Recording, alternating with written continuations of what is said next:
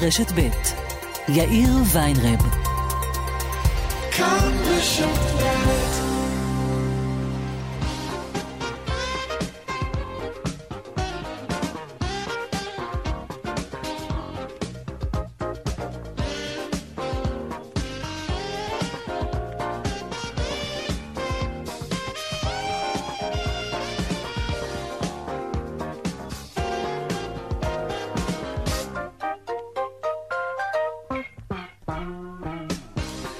ארבע וכמעט חמש דקות, כאן צבע הכסף ברשת ב' יום ראשון, שלום רב לכם. מספרים על יהודי עני בפולין ששאל פעם כף מכסף משכנו העשיר, וכשזה החזיר לו את הכף, הוא הביא יחד איתה גם כפית קטנה.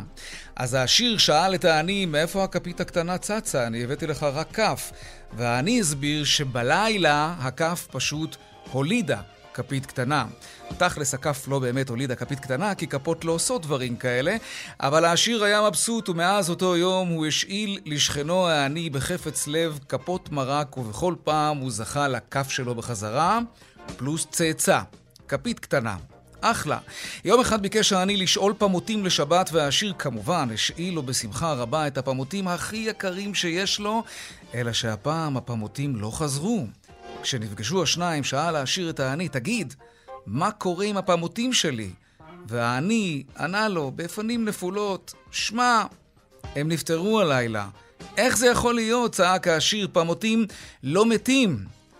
וכפות, השיב לו העני, גם כפות לא יולדות כפיות. תודו שזה קצת דומה ללמכור נגיד עוף בשקל ואז לתקוע מחיר במשהו אחר, דובדבנים למשל. ואז כשאתה מעז להגיד משהו על זה שדובדבנים לא יכולים לעלות 90 שקל לקילו, אז מיד אומרים לך, נו בסדר, גם עוף לא באמת יכול לעלות שקל. עוד מעט נדבר בהרחבה על הונאות בתקופת החגים, צריך להיזהר, הוואטסאפ והפייסבוק מלאים במלכודות. אל תיפלו בפח. כאן צבע הכסף, ראשון לשנת תשפ"ב, שנה טובה, חתימה טובה. העורך רונן פולק, המפיקה אורנה ברוכמן, טכנאי השידור שלנו אילן אזולאי, הדואל של צבע הכסף הוא כסף, כרוכית כאן.org.il. אני יאיר ויינרב, מעכשיו עד חמש אנחנו מיד מתחילים.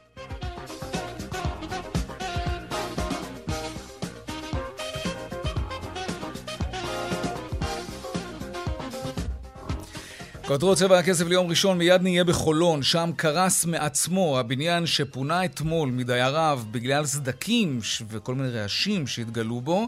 כאמור, הבניין בין ארבע קומות קרס לפני זמן קצר, אין נפגעים באירוע הזה, מיד נתעדכן משם. כתבנו שרון עידן יספר לנו מה קורה. המאבק בקורונה, ראש הממשלה בנט אומר היום כי הסבלנות של הממשלה כלפי לא מחוסנים תמה. זהו. אין יותר סבלנות. בנט אמר את הדברים בחלק הסגור של ישיבת הממשלה שעסקה בין השאר בסוגיית הבידודים במערכת החינוך. בפתח הישיבה אמר ראש הממשלה כי האסטרטגיה של ממשלתו ולפיה יש לקיים שגרת חיים לצד המגפה הוכיחה את עצמה. אני שוחחתי בימים האחרונים, גם הבוקר, עם מנהלי מחלקות קורונה ואחיות קורונה בבתי החולים. הם אומרים כולם באמת אה, את אותו דבר. מי שעכשיו מאושפז במצב קשה, הרוב המוחלט זה אנשים שהם לא מחוסנים כראוי. ממש ככה. אחרי כמעט כל המגזר הציבורי, גם הכנסת אה, מכילה על עצמה כללים שקובעים אה, שעל עובדי המשכן, כולם, להציג תו ירוק או אישור בדיקת קורונה שלילית, במידה והם יידרשו לכך. ההנחיות יהיו תקפות גם בעבור כל באי המשכן, אה, עובדים ואורחים. היחידים שההנחיה לא תהיה תקפה לגביהם הם דווקא חברי הכנסת. דוגמה אישית? Hmm. מול קריית הממשלה בתל אביב הפגינו נהגי האוטובוס מכל רחבי הארץ בשל מה שהם הגדירו פגיעה בתנאי העסקתם. נהגי האוטובוס חסמו את צומת הרחובות מנחם בגין, קפלן, וקראו קריאות בגנות משרד התחבורה והרשות לתחבורה ציבורית.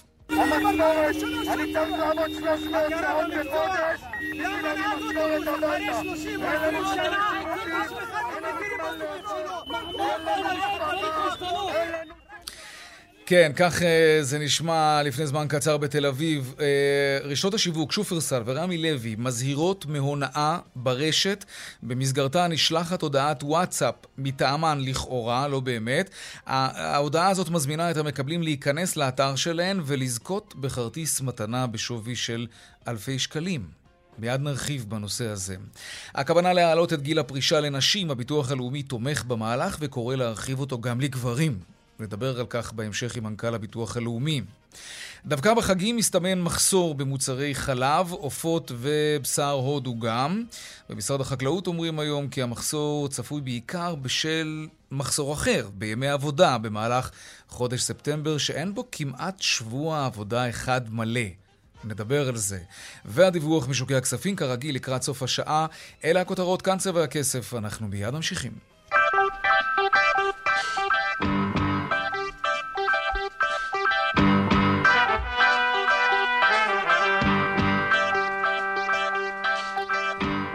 אנחנו פותחים בחולון. הבניין בחולון, שדייריו פונו אתמול מחשש שהוא יקרוס, אכן קרס לפני זמן קצר. שרון עידן, כתבנו שלום. כן, שלום אה, יאיר, אנחנו נמצאים ממש במקום אה, עכשיו בחוף סרלין אה, בחולון, ובאמת אותו בניין שפונה כבר אתמול כתוצאה מאותם סדקים שהתגלו בו, הדיירים כבר דיווחו על זה כאמור בימים האחרונים, פשוט קורס באופן, הייתי אומר, כמעט טבעי במהלך השעה האחרונה, זה קורה לקראת שלוש.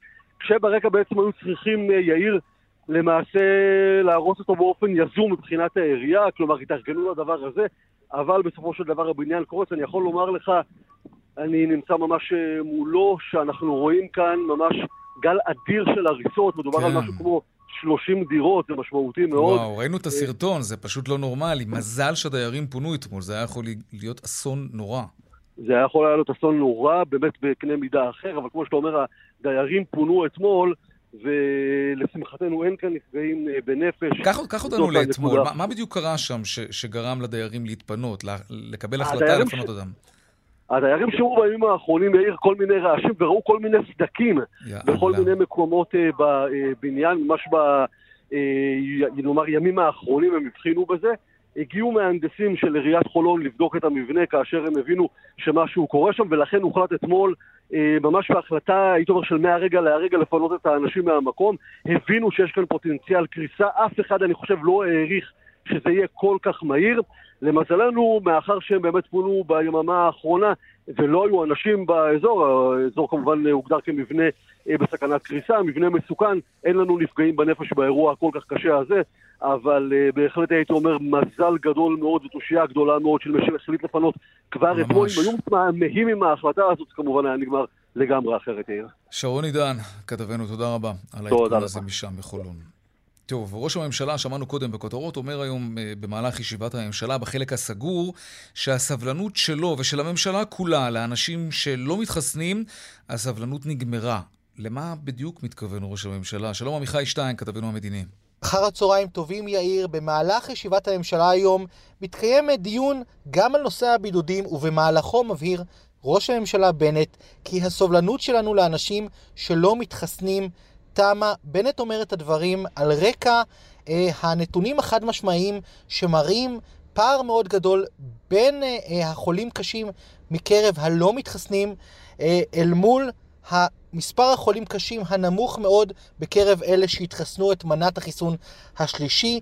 דיון נוסף מתקיים על נושא הבידודים בבתי הספר, ושרת החינוך יפעת שאשא ביטון אומרת לשרים כי החל מהחודש הבא יחל פיילוט של כיתה ירוקה, אותו פיילוט שלמעשה גם אם יימצא חולה מאומת בכיתה מסוימת, כל הילדים במשך שבוע יעשו בדיקות קורונה ולא ייכנסו mm-hmm. לבידוד.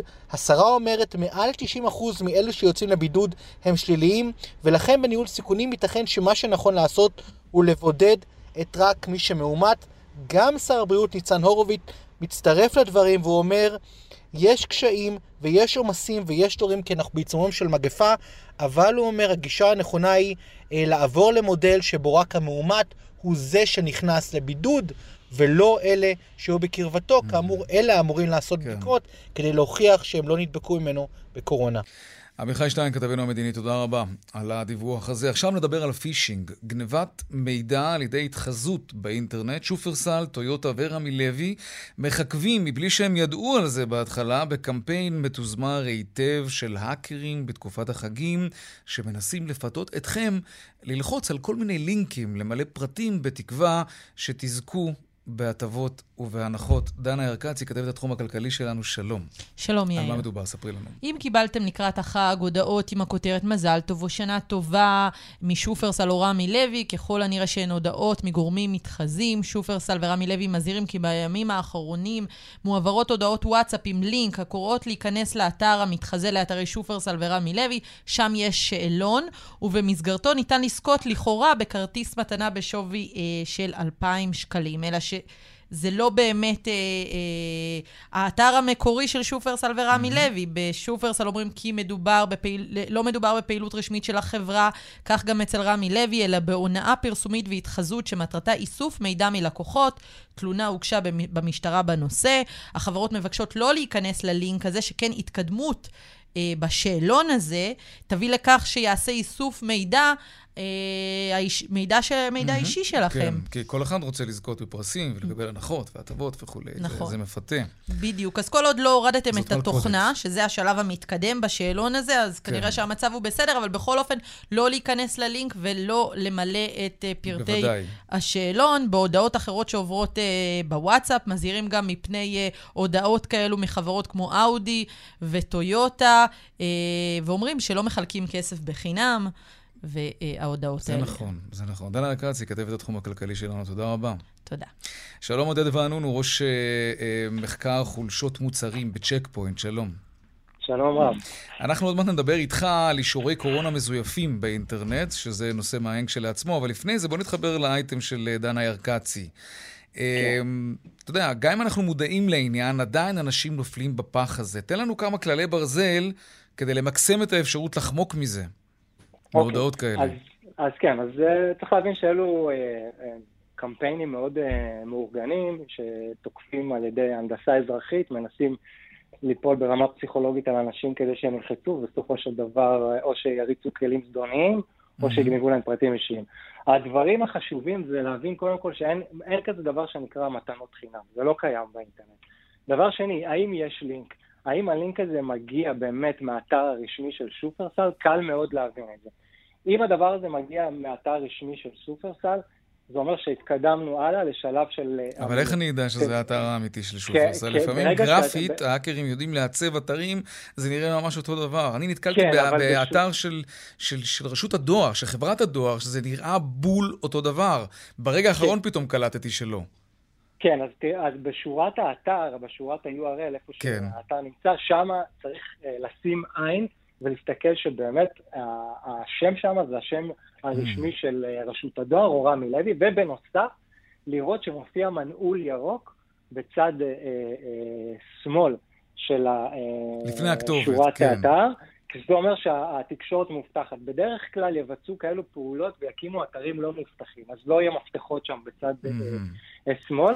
ודבר שלישי והכי חשוב, כל שאלון שאנחנו מקבלים, או כל uh, דבר שהאינטרנט לוקח אותנו לכל מיני אתרים, mm-hmm. א' כל, לעולם לא להוריד שום דבר. שום דבר לא להוריד. השאלה אם הלחיצה על הלינק, אני בעצם כבר לא מוריד משהו. לא, לא, הלחיצה על הלינק מפנה אותך בדרך כלל איזשהו אתר, ואם אתה רוצה להוריד משהו, אז שואל אותך אם אתה רוצה להוריד או לא. או גם אם אתה מוריד, אז כל עוד אתה לא מריץ אותו, אז עדיין אתה חצי אה, אה, מוגן. ודבר אחרון, זה לעולם אה, לא להכניס כחלק משאלונים שום פרטים אישיים, או שום דבר שיש לו אינדיקציה לשם משתמש וסיסמה. Mm-hmm. זה לא עובד ככה. כרטיס אשראי, כמובן. כלומר, אתה אומר, אם לחצתי על הלינק אני עדיין בסדר, אפילו אם התקדמתי עם השאלון, נגיד בסדר, אבל להוריד תוכנה או למלא פרטים אישיים, זה ממש לא, או שאנחנו בטוחים לגמרי שהאתר הזה הוא אתר אותנטי, ואחרי... יודע, חברות מציעות כל מיני דילים והגרלות וכולי. אז להיות ממש ממש חשדן. כן, עכשיו, עכשיו הדרך, צריך לשים לב שהרבה פעמים האתרים שנראים לנו אתרים זהים, את, אתם תראו בשורת... אה, אה, שורת דומיין או השורה של השם של האתר, שיהיו משחקי מילים. זאת אומרת, אה, כמו אם יהיה פוסט ישראל, אז יכול להיות שראינו הרבה פעמים שרושמים ישראל הפוך. הם קונים דומיין הפוך עם... עם השם קצת, עם ה-E וה-A הפוכים, וכל מיני משחקים כאלו, או... או כי השורת כתובת היא חייבת להיות אותנטית, כלומר, אי אפשר לזייף אותה, לצורך העניין. אי אפשר, זה, זה כבר סוג התקפה שהוא די נדיר, לא, זה, זה משהו שזה לא ברמה הזאת. הבנתי. אוקיי. טוב, בואו נדבר על אה, אישורי קורונה מזויפים. אנחנו בעצם אה, נחשפים לאיזושהי קבוצת טלגרם ישראלית שקוראים לה אה, תעודות קורונה, מתחסן, סלש בדיקות קורונה, משהו כזה, נכון? כן. אה, מה, מה מציעים שם בקבוצה הזאת בטלגרם? אז בגדול הקבוצה הזאת היא נגזרת של פעילות מאוד מאוד גדולה שקורית בעולם בחודשים האחרונות מכל הנושא של האישורי קורונה. הקבוצה הספציפית הזאת היא נותנת בצורה מאוד מאוד פשוטה וישרה, האם אתה רוצה אישור של בדיקה שלילית אה, לקורונה, זה עולה 100 שקל. האם אתה רוצה תעודת מתחסן, זה 300 שקל. מה שקורה בגלל שכיום אין באמת בארץ ובעולם מקומות שמה שנקרא סורקים לך את כל mm, הנתונים האלה. נכון. ויכולים לקבל איזשהו אישור מ database אה, אה, אה, רשמי. נכון, מבקשים רק לראות בסופו... תו ירוק, או תעודת מתחסן. לא, בדיוק, בסופו כן. של דבר זה רק נייר. ואז מה שהם עושים, הם, הם לקחו איזשהו אה, אה, אישור אותנטי מאיזשהו קליניקה באוקראינה, ואז הם מריצים אותה. הם רק משנים את הפרטים. אין כאן יותר מדי תחכום. השיטה הזאת קורית בכל העולם, עובדת בכל העולם. אה, וההשלכות של זה הן השלכות חמורות, כי בסופו של דבר בן אדם שהוא חיובי, אה, משלם 100 שקל ויכול לעלות לטיסה מלאה. נכון. תגיד רגע, אבל אם מישהו היה בכל זאת סורק את הברקוד הזה, הסתכלתי על התעודות האלה עכשיו, אז אם, אם מישהו כן היה סורק את הברקוד, זה, זה סתם, זה היה זורק אותו למקום אחר, זה לא, זה לא, אז, לא מדובר היו... ברמת זיוף בבסיס המידע שיש במשרד הבריאות, כאילו זה לא ברמה הזאת. לא, mm-hmm. לא ברמה הזאת. אם מישהו היה סורק את הברקוד, אה, לצערי אני לא רואה אנשים שסורקים את הברקוד, אז כן היה אפשר לאכוף את זה, כן היה אפשר לייצר איזשהו פרוטוקול אחיד לכל המסמכים, וכן היה אפשר לאכוף את זה. אוקיי, אז מה מצאתם בחקירה שלכם? אז, אז בגדול מה שמצאנו בחקירה זה קבוצה ישראלית ש, אה, אה, שפשוט מספקת את כל הבדיקות הנדרשות.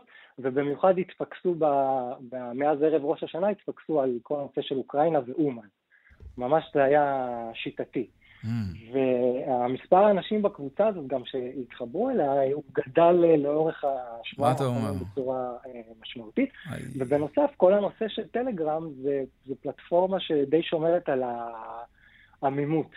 ובנוסף, יש לנו גם היום את כל הנושא של המטבעות הדיגיטליים, אז גם כן. העברת כסף, לדוגמה, זה יכול להיעשות בשות, בשיטה מאוד אנונימית. Mm-hmm. בלי טביעות אצבע, אי אפשר להתחקות אחרי הכסף. אבל רגע, אני מנסה להבין, מה זה, מה זה בצורה אנונימית? הרי כל אחד יכול להוריד את האפליקציה הזאת שנקראת טלגרם, כן. וכל אחד יכול גם להצטרף לקבוצות האלה מכל סוג שהוא. אז משטרת ישראל, אנחנו יודעים שיש לה יחידת סייבר משלה, היא לא, לא אה. יכולה לשים את היד על מי שמנהל את הקבוצה הזאת? לא. אז ההבדל הגדול כאן, הוא שאתה משתמש בטלגרם, שאתה נרשם לטלגרם, אתה לעולם לא נרשם עם המספר טלפון שלך. אתה בוחר לעצמך שם.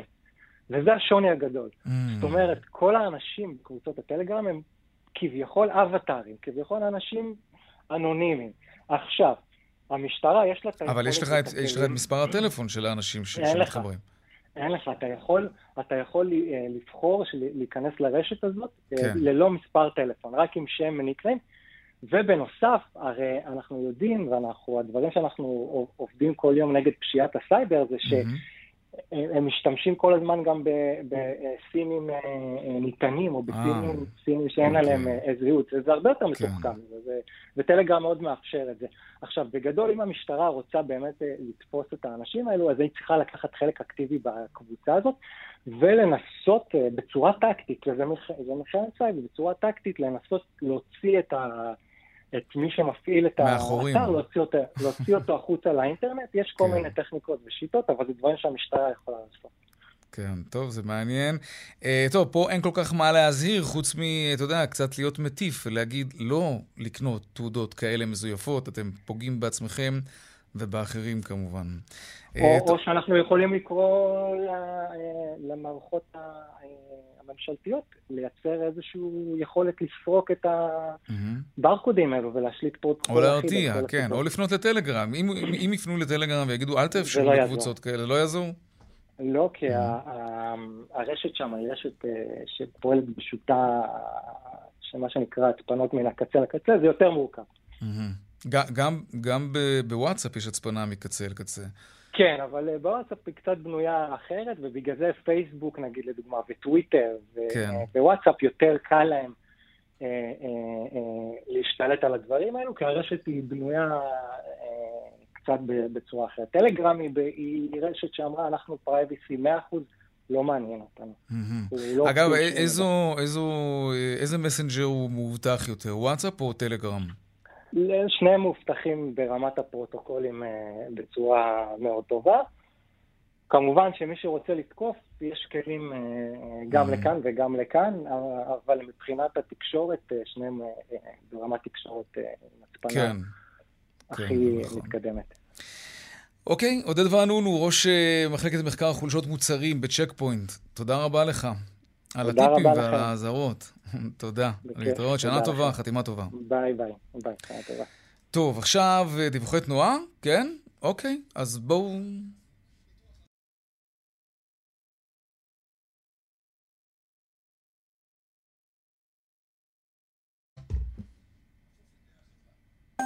טוב, אנחנו נמתין רגע שדיווחי התנועה יטענו, ואז נוכל לספר לכם מה קורה בכבישים.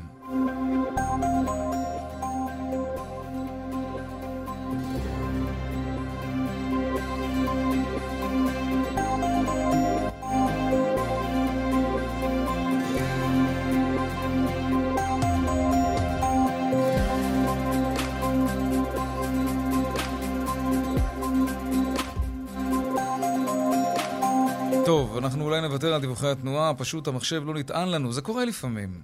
לא, זה לא סייבר. סתם, עניין כזה. אה, נצא להפסקת פרסומות, ומיד אחרי הפרסומות נספר לכם מה קורה בכבישים. כן, 27 דקות, 28 דקות אחרי השעה 4. נעשה דיווחי תנועה עכשיו? כן, למה לא? הם הגיעו. Mm, טוב.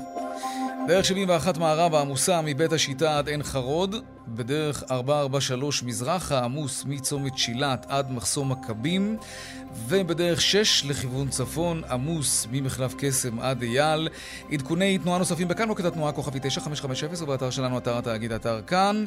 עכשיו נדבר על המחסור בחלב. כן, אה, בטוח חלקכם שמתם לב לזה. חסר חלב במרכולים. איך מתמודדים עם מחסור של מוצר כל כך בסיסי ועוד בעיצומה של תקופת החגים? שלום איציק שניידר, מנכ"ל מועצת החלב. אהלן, יאיר, ערב טוב לך, ערב טוב למאזינים. תודה. ספר לנו מה קורה בשטח. עד כמה המחסור הזה מדאיג, ומתי הוא צפוי להסתיים? אז אה, בעצם אנחנו נמצאים בחודש ספטמבר, שאנחנו עם אה, מעט מאוד אה, ימי ייצור, עם 13 ימי ייצור לאורך כל כן. החודש, מה, ש, מה שמצד אחד גורם לנו לעודף בחלב במשקים, מצד שני מיעוט ימי הייצור לא מאפשר לנו לייצר מספיק מוצרים ולספק אותם בזמן למרכולים. אה, בעיקר אה, אנחנו מדברים על אה, צפי למחסור, עכשיו כרגע אין ממש מחסור, אנחנו מדברים על צפי יש, למחסור. יש, יש, ראינו. גם רונן וגם אני ראינו מדפים ריקים בסופרמרקטים. אז שנייה, אז אנחנו צופים מחסור במוצרים הטריים, בחלב בקרטון, בקוטג', כן. יכול להיות שגם בגבינה לבנה. זה פעם אחת בשל מיעוט ימי הייצור. פעם שנייה, אה, אנחנו היינו עכשיו אה, ערב, אה, ערב שבת, יום שישי, ממש בסמיכות לראש השנה, שלושה, כן.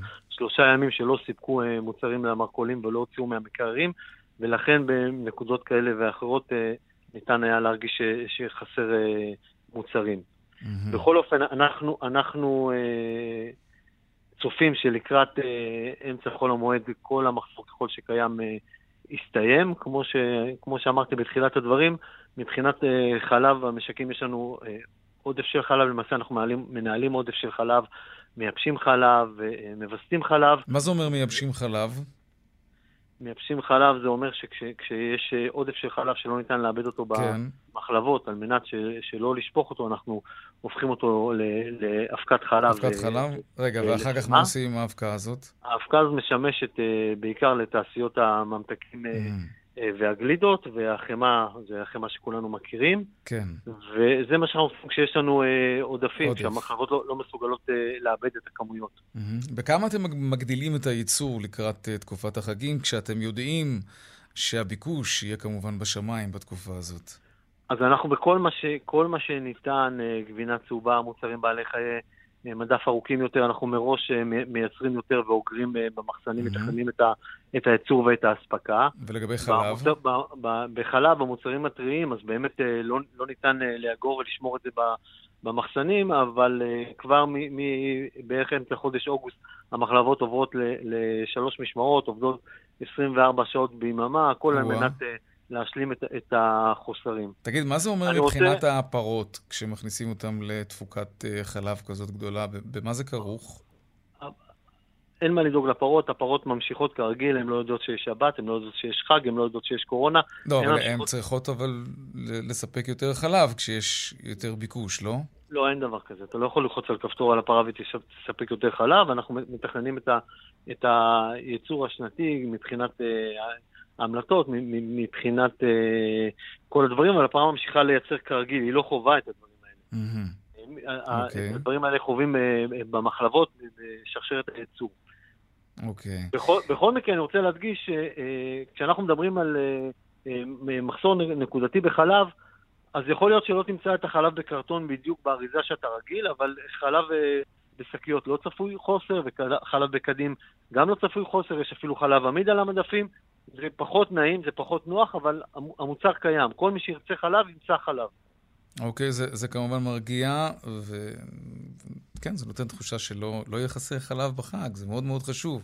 תגיד, אגב, יש לכם נתונים, אתם יודעים להגיד בכמה ישראלים בתקופה הזאת קונים עם העיניים ולא עם הראש, ואחר כך זורקים אוכל טרי לפח? לא, זה, לא, לא, לא זאת הנקודה. הנקודה היא באמת ש... ש, ש... אה, גם לא עושים קניות לאורך כל השבוע, כן, כי, כי חלק מהימים זה ימי חג ושבתון, וגם לא מספקים את המוצרים לאורך כל השבוע, וגם לא מייצרים את המוצרים לא, לאורך כל השבוע, ו, ו, ואז הכל מצטמצם למספר מצומצם אה, של, mm-hmm. של ימים אה, של קניות וגם של עבודה, ולכן נוצר, נוצר המחסור הזה בנקודות mm, מסוימות. ולא בגלל צריכה מוגברת. לא, לא. Mm, כי דווקא יש צריכה מוגברת לקראת חגים ובחגים. החג שלנו זה שבועות, לקראת כן, שבועות. כן, זה ברור, אבל חלב קונים כל הזמן. מוגברת, אבל uh, uh, הצריכה של החגים, אנחנו יודעים, uh, יודעים uh, לחזות אותה ולתכנן אותה. הבעיה, הבעיה היא... באמת, כמו שאמרתי לך, בימי ייצור. בימי ייצור. איציק שניידר, מנכ"ל מועצת החלב, תודה רבה לך על השיחה הזאת. תודה, חתימה טובה לכולם. חתימה טובה, תודה. תיירות פנים עכשיו. אין תיירות נכנסת לישראל כמעט בכלל מאז שהמגפה פרצה. שלום יוסי פישר, מומחה תעופה ותיירות. אחר צהריים טובים לך ולמאזינים. תודה רבה. תראה, העניין הזה לא, לא, לא יכול להימשך יותר מדי זמן, נכון? אה, קראתי שאתה כותב שחברות התעופה הזרות יאבדו את הסבלנות בסופו של דבר, אם ישראל לא תאשר לתיירים להגיע. אני חושב שמה שישראל עושה זה, זה, זה תקדים עולמי, אולי למעט אוסטרליה וניו זילנד, אבל הסיפור של פתיחת השמיים לתיירות נכנסת, זה מרתיח לי את הדם. אנחנו שנה וחצי בפועל, דה פקטו, מדינת ישראל מנותקת מהעולם. ישראלים יכולים לצאת פחות או יותר בחופשיות לאירופה, לארצות הברית, עכשיו גם לקנדה, לרוסיה, ולעומת זאת תיירים מחו"ל לא יכולים להיכנס לישראל. וכל פעם משנים את המדיניות, וכל פעם עושים פיילוטים על פיילוטים על פיילוטים, ובעצם גורמים לתעשייה שלמה לקרוס. עכשיו, זה לא רק האנשים שמתפרנסים בארץ מהתיירות הנכנסת, ויש עשרות אלפים של משפחות שחיות מתיירות נכנסת, זה גם חברות תעופה. הלוא אתה צריך למלא את המטוס לשני הכיוונים. נכון. ועכשיו, אם, אם אנחנו גמרנו עכשיו את עונת התיירות, ואחרי החגים, פחות או יותר עונת התיירות הישראלית נגמרת. זו הייתה עונה שהיו אמורים להיכנס לארץ תיירות נכנסת במספרים גדולים. חודשים כמו אה, אה, אוקטובר, נובמבר, זה חודשים אה, בגדול מודגשים של תיירות נכנסת, ועכשיו אומרים עוד פעם נעשה פיילוט.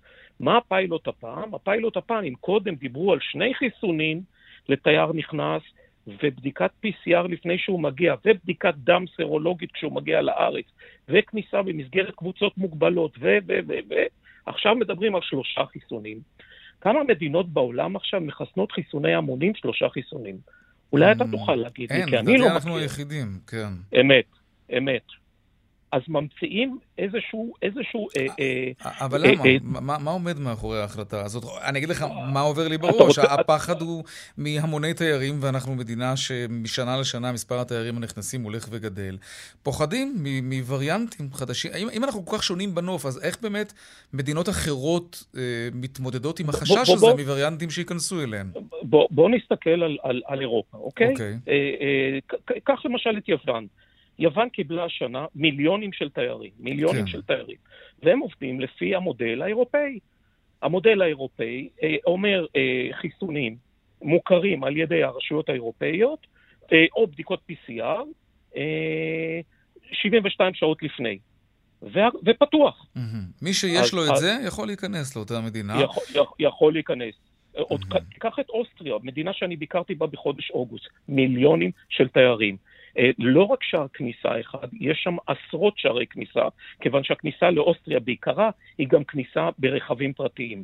מיליונים של גרמנים, מיליונים של הונגרים, כולם נכנסים וכולם יוצאים, ומנהלים את זה. למה אנחנו לא מסוגלים, כל הזמן מדברים איתנו על הווריאנט הבא. ראש הממשלה עכשיו מדבר על וריאנט אומגה.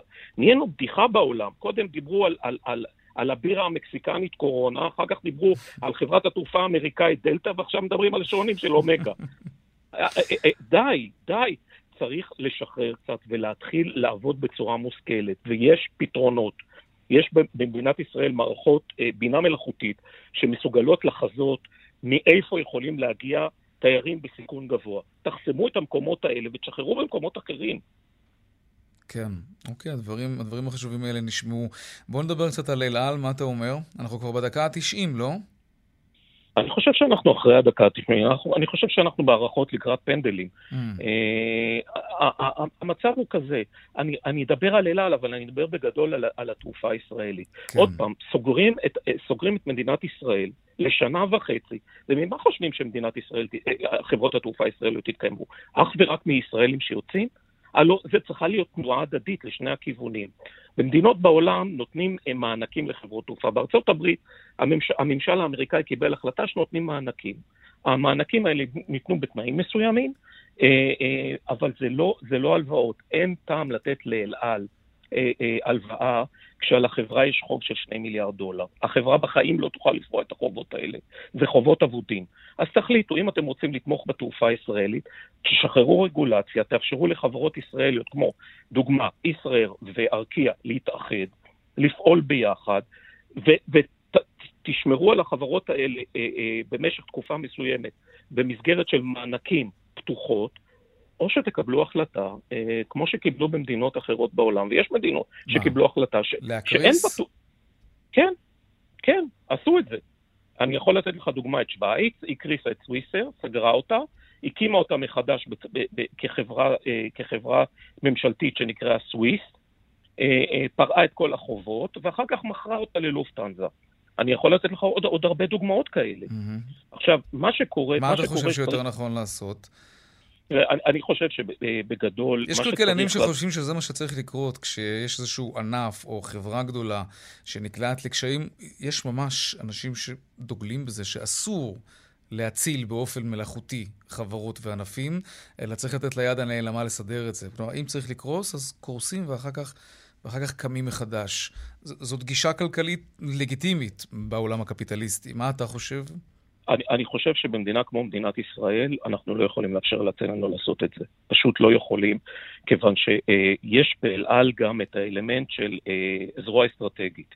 אם חס וחלילה קורה מצב שבו ישראל מנותקת מעליו, וזה נכון. קרה. כן. וזה קרה, זה קרה תמיד הביטחון נכנס אצלנו איכשהו, אין מה לעשות. מה לעשות, אנחנו, יש לנו גם ביטחון בנושא של, בנושא של אבטחה של המטוסים, אבל לעומת זאת, אם יורים טילים אה, ורקטות על נתב"ג, אף חברה, אף חברה כן. בינלאומית לא תטוס לנתב"ג, כי נכון. חברות הביטוח העולמיות לא מכסות את, את זה. אנחנו צריכים לשמור על השמיים פתוחים, אה, אה, בעיקר בגלל המטענים. לא בגלל כן. הנוסעים, כן. כמו בגלל המטענים. גם וגם, וכל טיסות החילוץ המפוארות שהיו במרוצת השנים. אמת. יוסי פישר, מומחה תעופה ותיירות, תודה רבה לך על הדברים. תודה רבה, שנה טובה וגמר חתימה טובה. גם לך, יוסי, תודה. תודה. דיווחי תנועה עכשיו.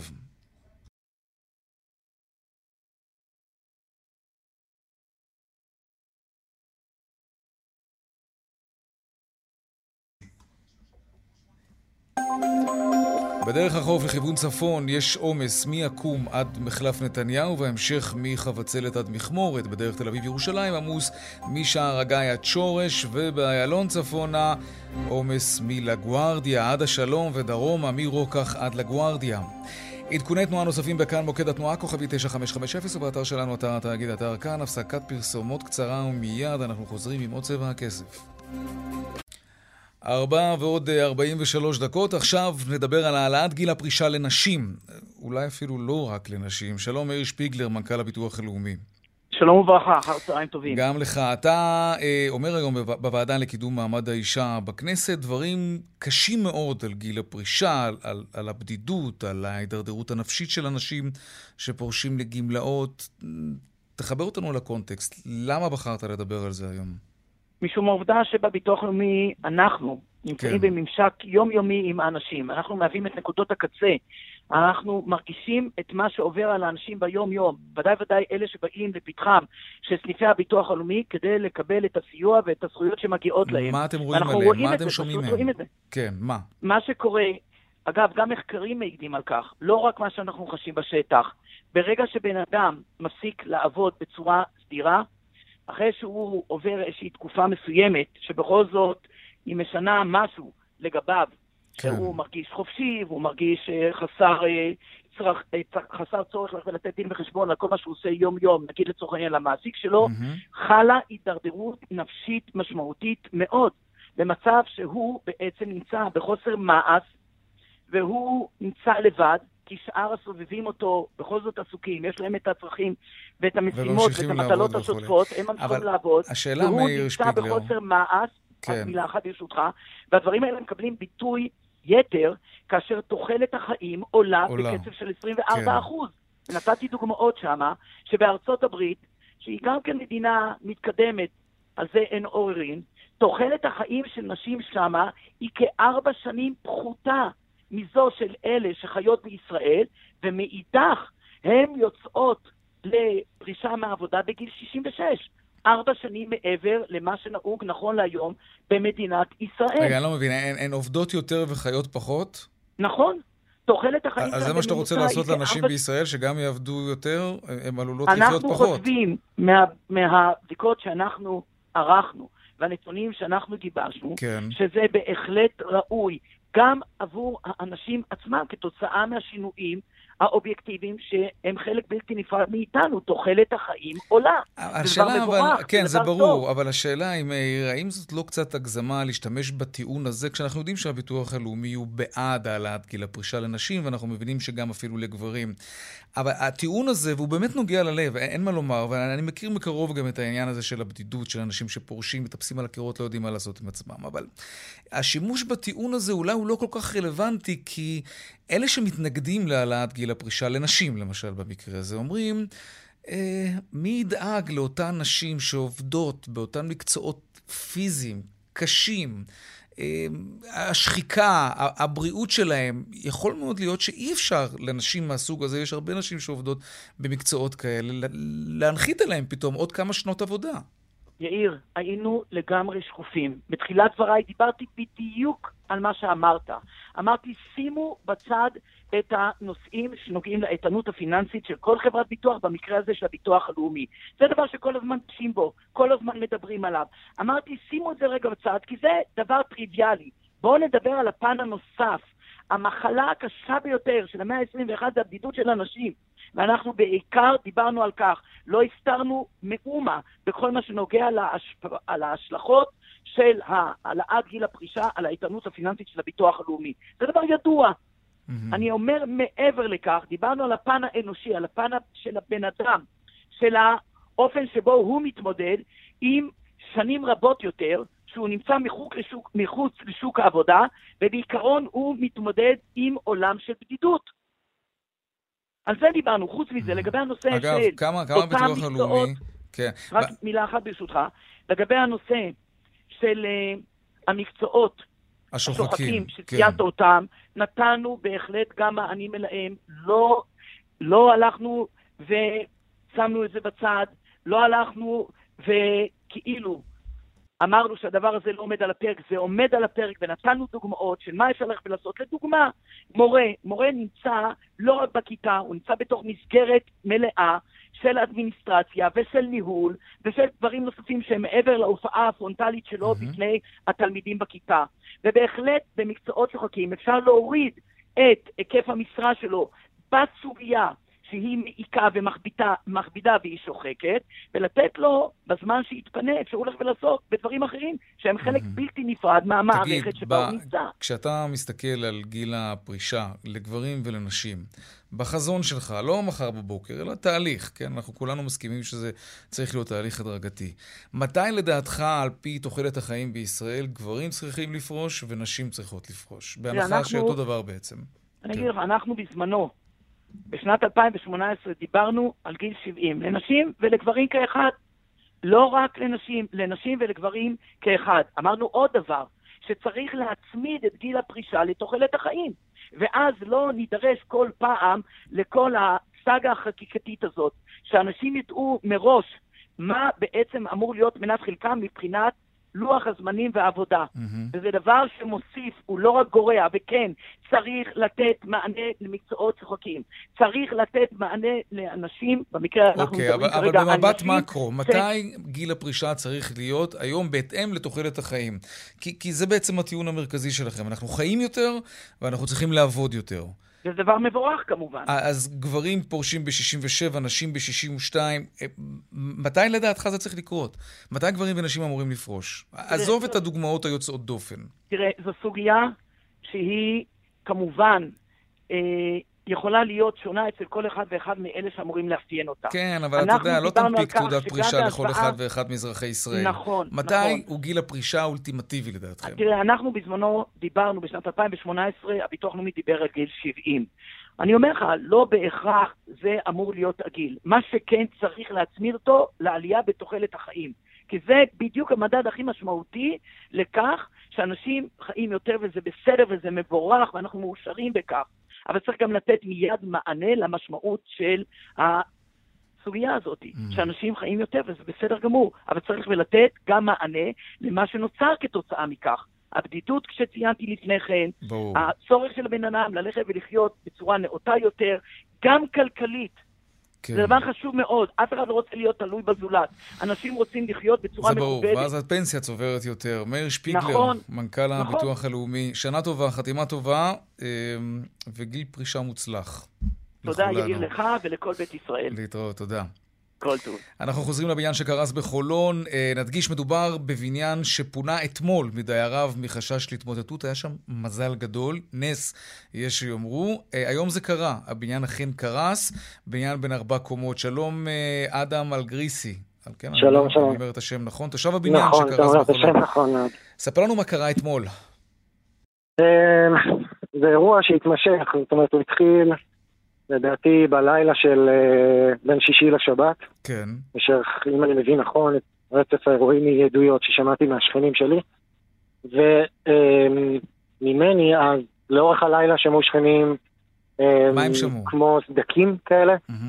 כמו טיח, או לא משנה מה. כאלה בקיר. בדיוק, כן, איזשהם אוקיי. תזוזות או זה, ולא התייחסו. וואו, תשמע, זה מפחיד. בבוקר אני יצאתי עם הכלב שלי לטיול, ראיתי את הקיר התומך בחניון, שירד ממנו כמות מטורפת של טיח. מה אתה אומר? לא התייחסתי, אמרתי שכן, צריך להביא כנראה מהנדס כדי שיבדוק, אבל בשבע בבוקר שכבר יצאתי, כמעט כל הקיר כבר היה על הרצפה. מה אתה אומר? בן כמה הבניין הזה, תגיד? אני חושב שהוא משנות ה-60, משהו כזה, אם אני לא טועה. הוא על עמודים? הוא על עמודים, נכון. והברזלים בעמודים כבר, כבר היו חשופים במרוצת לא. השנים? לא? לא. לא, לא, לא. לא, לא היו סימנים מקדימים לפני מה שאתה מתאר עכשיו? הרעשים האלה והסדקים האלה, לא, שום דבר? לא, לא, לא, לא. בכל בניין ישן יש פה ושם סדקים. אבל נכון. לא מצב כזה, אני אגיד לך מעבר לזה גם, אני זוכר נכון, לפני שנתיים או שנה, פה מהנדס העיר חתם שהבניין הזה כשיר. מה? עכשיו, מה? Uh, מתי? היה, היה בא לפה לפני איזה שנתיים, משהו כזה. והוא אמר שהבניין כשיר? בבניין הזה ובניין אחר, כן, וחתם שמבחינתו תוקן ואפשר אפשר, לגור כרגיל. וואו. אז אני, אני לא יודע להגיד לך... זה היה הליך פורמלי כזה? כלומר, שזה כלל גם בדיקה? כן, חלק מהבניינים הישנים פה עוברים בדיקות זה, וחלק מהם, מהנדס העיר נותן להם תקופה מסוימת לתקן. מה אתה אומר? שאין צורך לפי... לא, ואתם לא, לא נדרשתם, ו... לא נדרשתם לתקן שום דבר. נדרשנו לתקן משהו, תיקנו אותו, הוא בא, חתם שהכל בסדר. מה אתה אומר?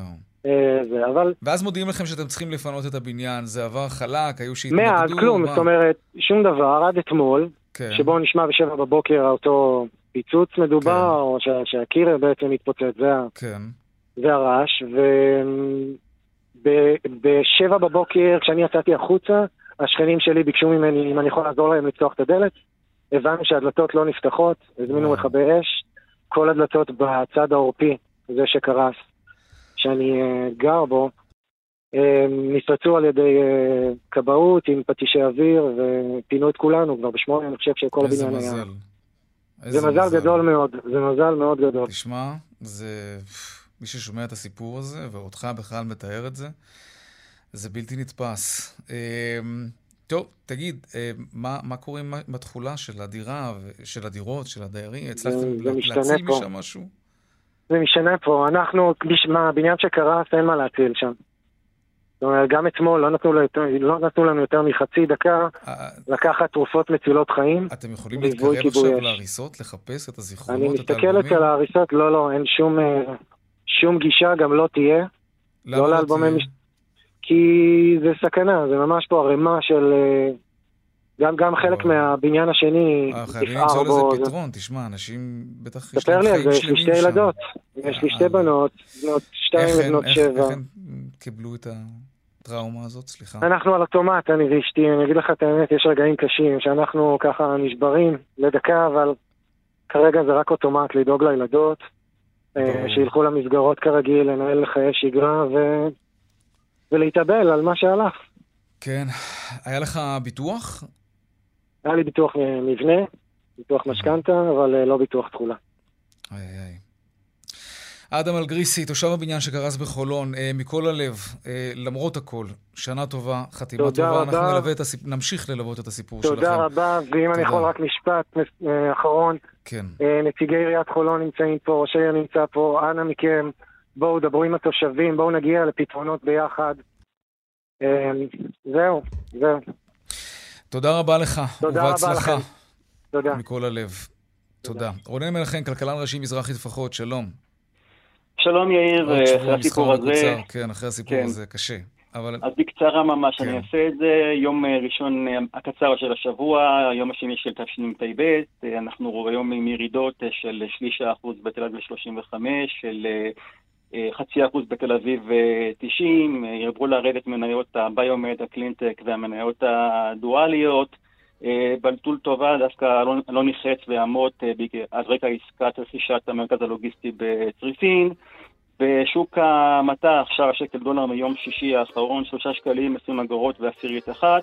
והפעמים בברכת אה, חתימה טובה לך, לצוות ולמאזינים. ערב טוב. תודה רבה, גם לך, רונן מנחם, כלכלן ראשי מזרחי טפחות. עד כאן, צבע הכסף ליום ראשון, התוכנית הראשונה שלנו לשנה עברית זו, תשפ"ב.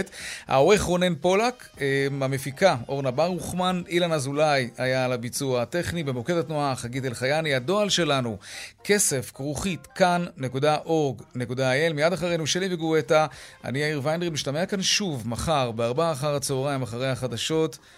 ערב טוב ושקט שיהיה לנו. שלום שלום.